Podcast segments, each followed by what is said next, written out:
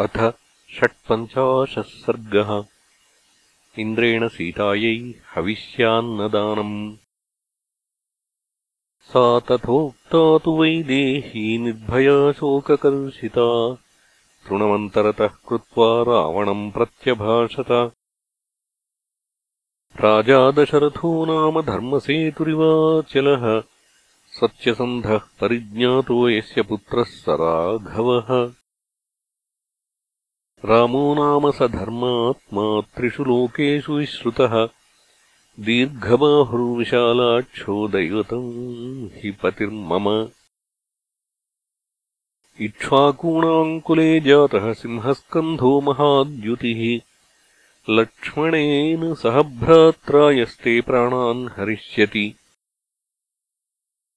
प्रत्यक्षम् यद्यहन्तस्य त्वया स्यान् धर्षिता बलात् शयिता त्वम् हतः सङ्ख्ये जनस्थाने यथा खरः।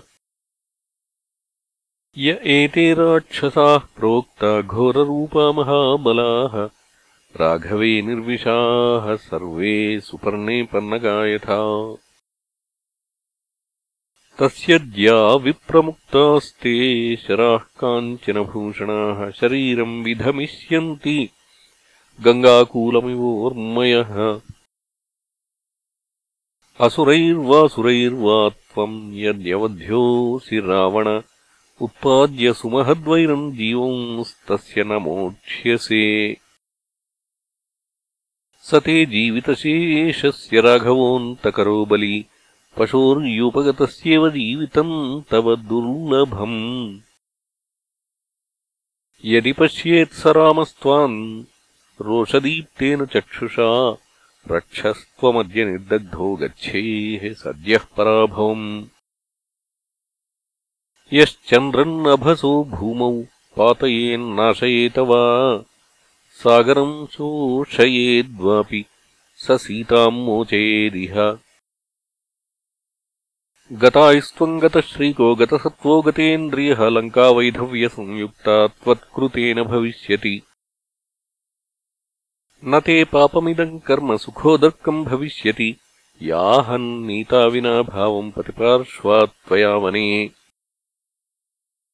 स हि दैवतसंयुक्तो मम भर्ता महाद्युतिः निर्भयो वीर्यमाश्रित्य शून्येव सति दण्डके।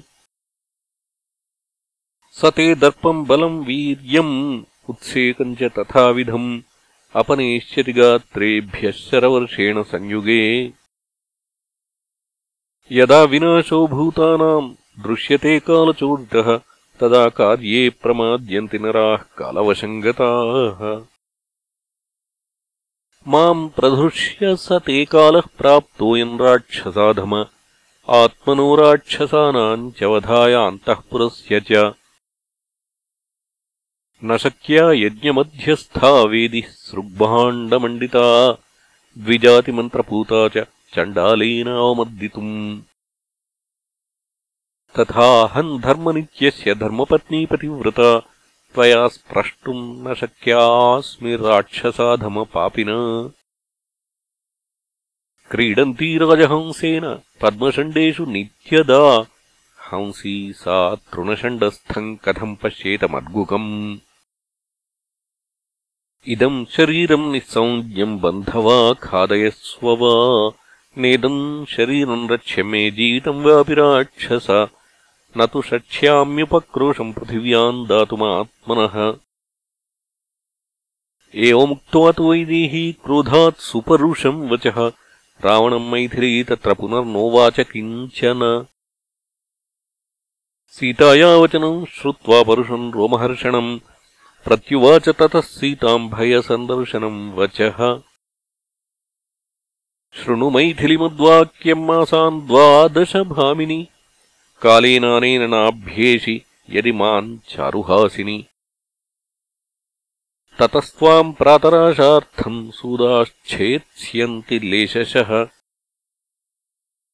इत्युक्त्वा परुषम् वाक्यम् रावणः शत्रुरावणः राक्षसीश्च ततः क्रुद्ध इदम् वचनमब्रवीत् शीघ्रमेव हि राक्षस्यो विकृता घोरदर्शनाः।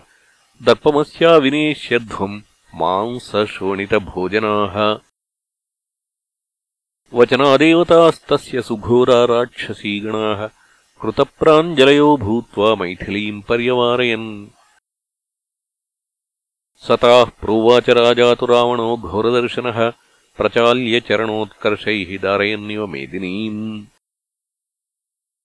अशोकवनिकामध्ये मैथिली नीयतामियम् तत्रेयम् रक्ष्यता गूढम् युष्माभिः परिवारिता।